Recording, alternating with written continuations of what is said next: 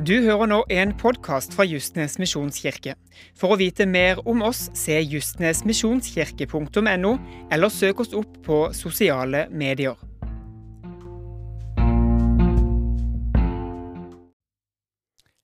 Hjertelig velkommen til nok en podkast i Justnes misjonskirke. I dag vil fokuset ligge på hva er treenigheten? Dette er et begrep som ikke er så lett å forstå som mange kristne sliter med å forklare. og Det kan jeg virkelig forstå. Jeg tror nok aldri vi vil forstå treenigheten fullt ut før vi en dag møter den treenige Gud i himmelen. Men det er dagens tema. og Jeg håper det at når du har lytta til denne podkasten, så vil du kunne litt mer om hva det vil si at vi har en treenig Gud. La oss høre en liten sangsnutt som handler om akkurat dette.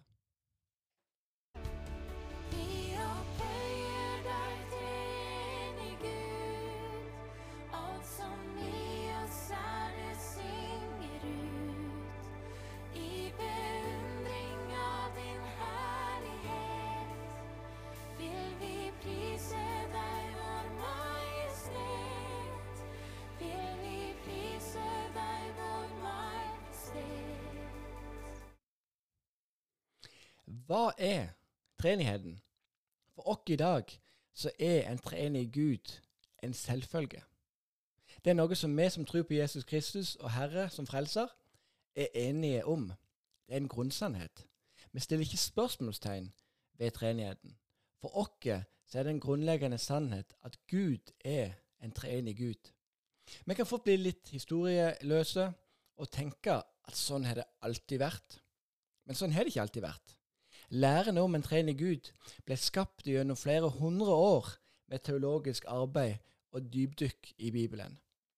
Begrepet, eller ordet treenighet, er et utfordrende begrep. Mange sliter med å forstå dette begrepet.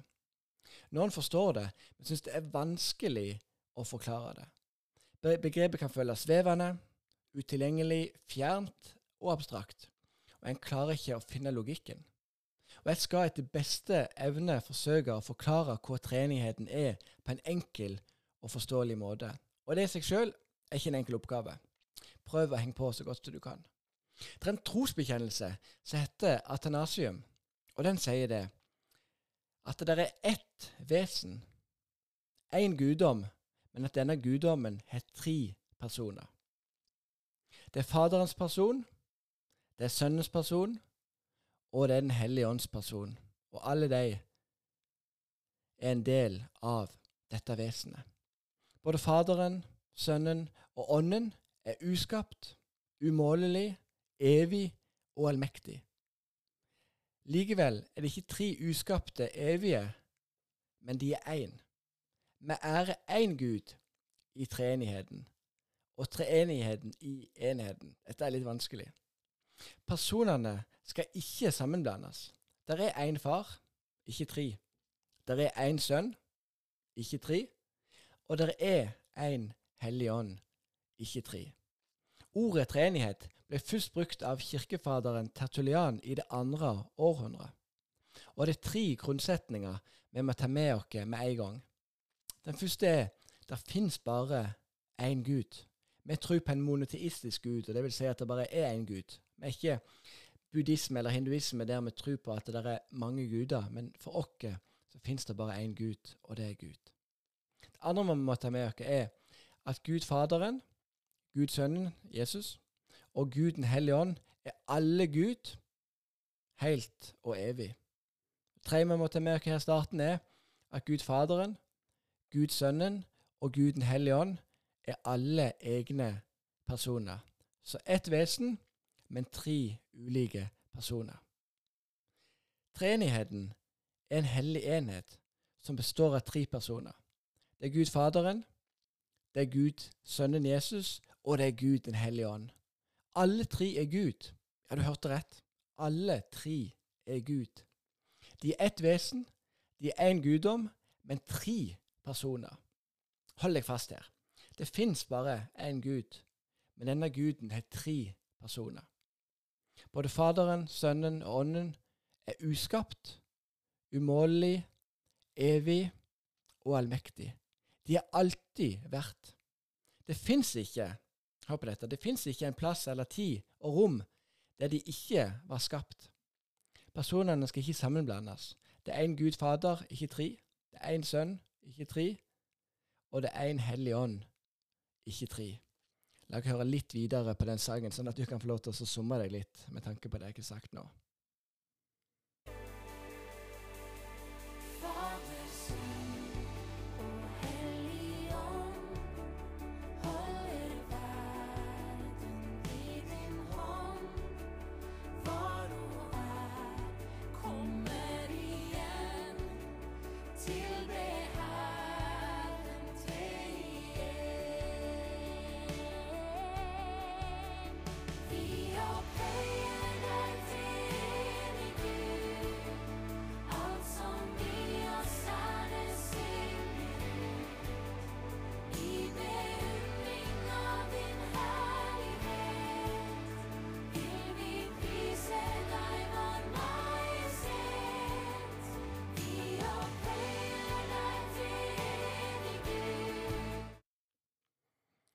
Velkommen tilbake igjen.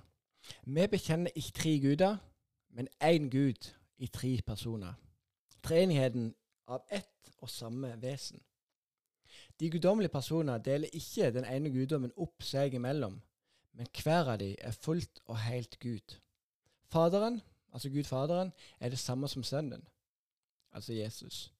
Sønnen, Jesus Kristus, er det samme som Faderen. Faderen og Sønnen er det samme som Den hellige ånd. Det vil si, av natur én Gud. Det er alltid fullkommen harmoni i treenigheten. Ingen uenighet. Treenigheten er evig fra evighet til evighet av. En triangel er et godt symbol på treenigheten. Et triangel har tre sider, tre vinkler, men det er én figur. Tar vi vekk den ene sida, så er det ikke et triangel lenger. Hver person i treenigheten har vilje, intellekt, følelser, vi kan òg forklare treenigheten med, med, vann. Vann finnes i tre former. Det er is, det er rent vann, og det er damp. Men alt er fortsatt vann. Men det bare gir seg til uttrykk på forskjellige måter. Og sånn er det med den treenige Gud. Vi kan jo forklare treenigheten med sola. At du har sola, så er du solstrålene, og så er du sol, eh, solvarmen som treffer kroppen vår.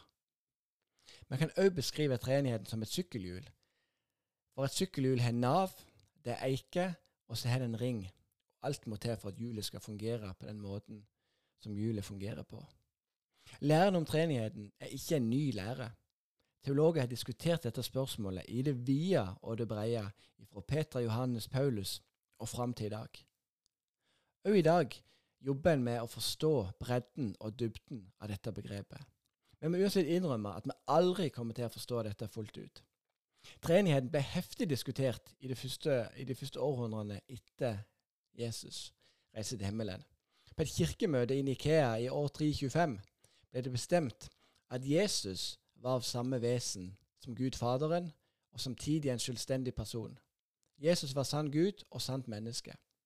Og på kirkemøtet i Konstantinopel i 1381, altså over 50 år senere, ble den samme formuleringen brukt om Den hellige ånd òg. Og det er den læren vi holder på i dag. Så vi brukte flere hundre år på å lande den treenighetslæren som vi tror på i dag. Så tror meg dette er godt gjennomarbeidet, dette er godt gjennomtenkt. Det var masse fokus på dette, og ekstremt dyktige teologer har jobbet med dette for å finne ut det, hvem vår Gud er.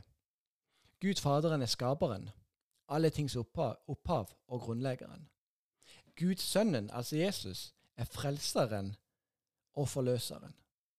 Gud den hellige ånd er hjelperen, han er kraften, han er rådgiveren, og han er trøsteren. De er alle Gud. Treenighetens matte er ikke én pluss én pluss én er tre. Nei, det er én ganger én ganger én, som igjen blir én. For å gi deg en liten fun fact ordet treenighet fins faktisk ikke i Bibelen. Vi hører litt videre på sangen for å komme tilbake til en siste bolk.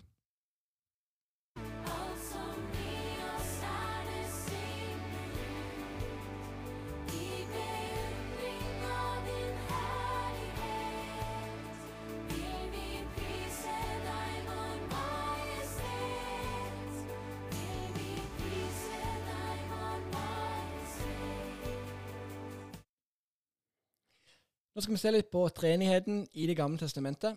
Og Når du leser Det gamle testamentet, så er det et sterkt monoteistisk bilde av Gud. Og det vil si at det der finnes bare én Gud.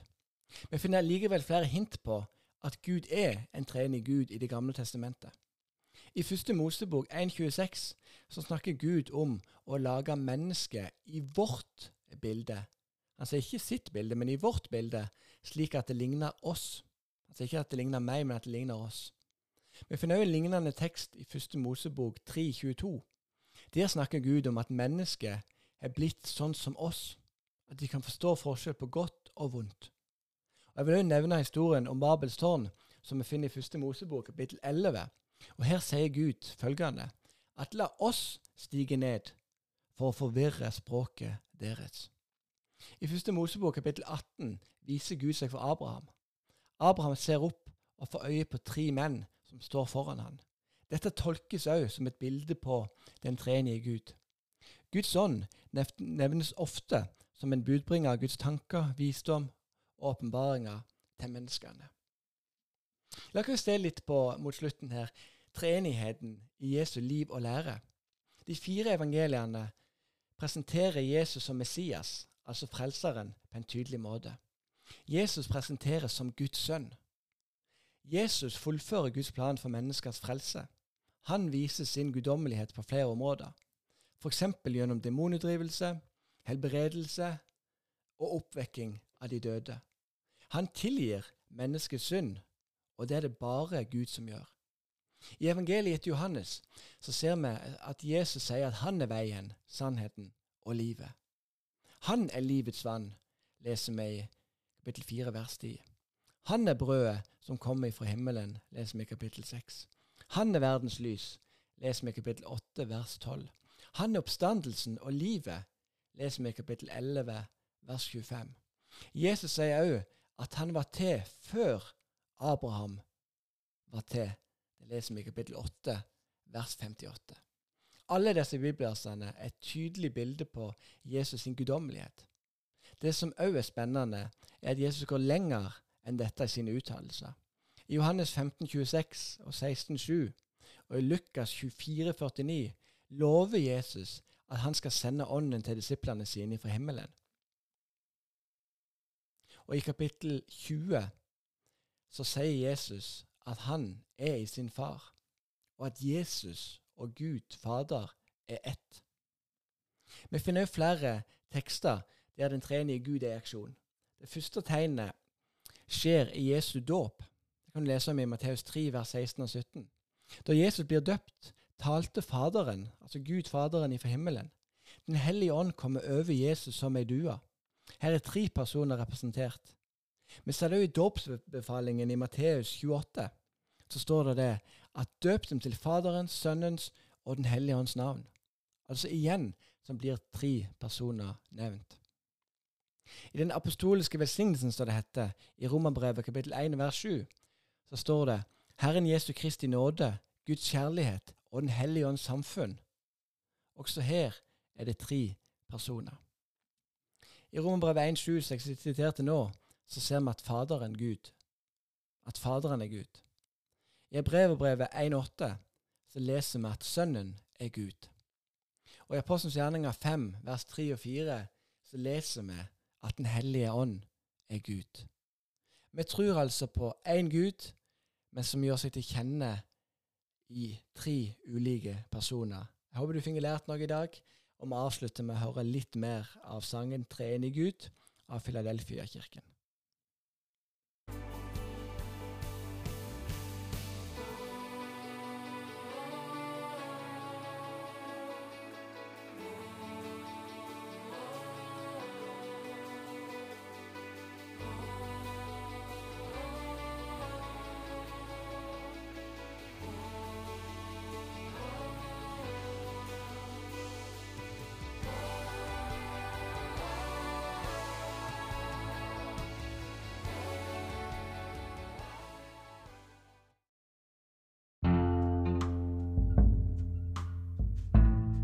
Du har nå hørt en podkast fra Justnes misjonskirke. For å vite mer om oss, se justnesmisjonskirke.no, eller søk oss opp på sosiale medier.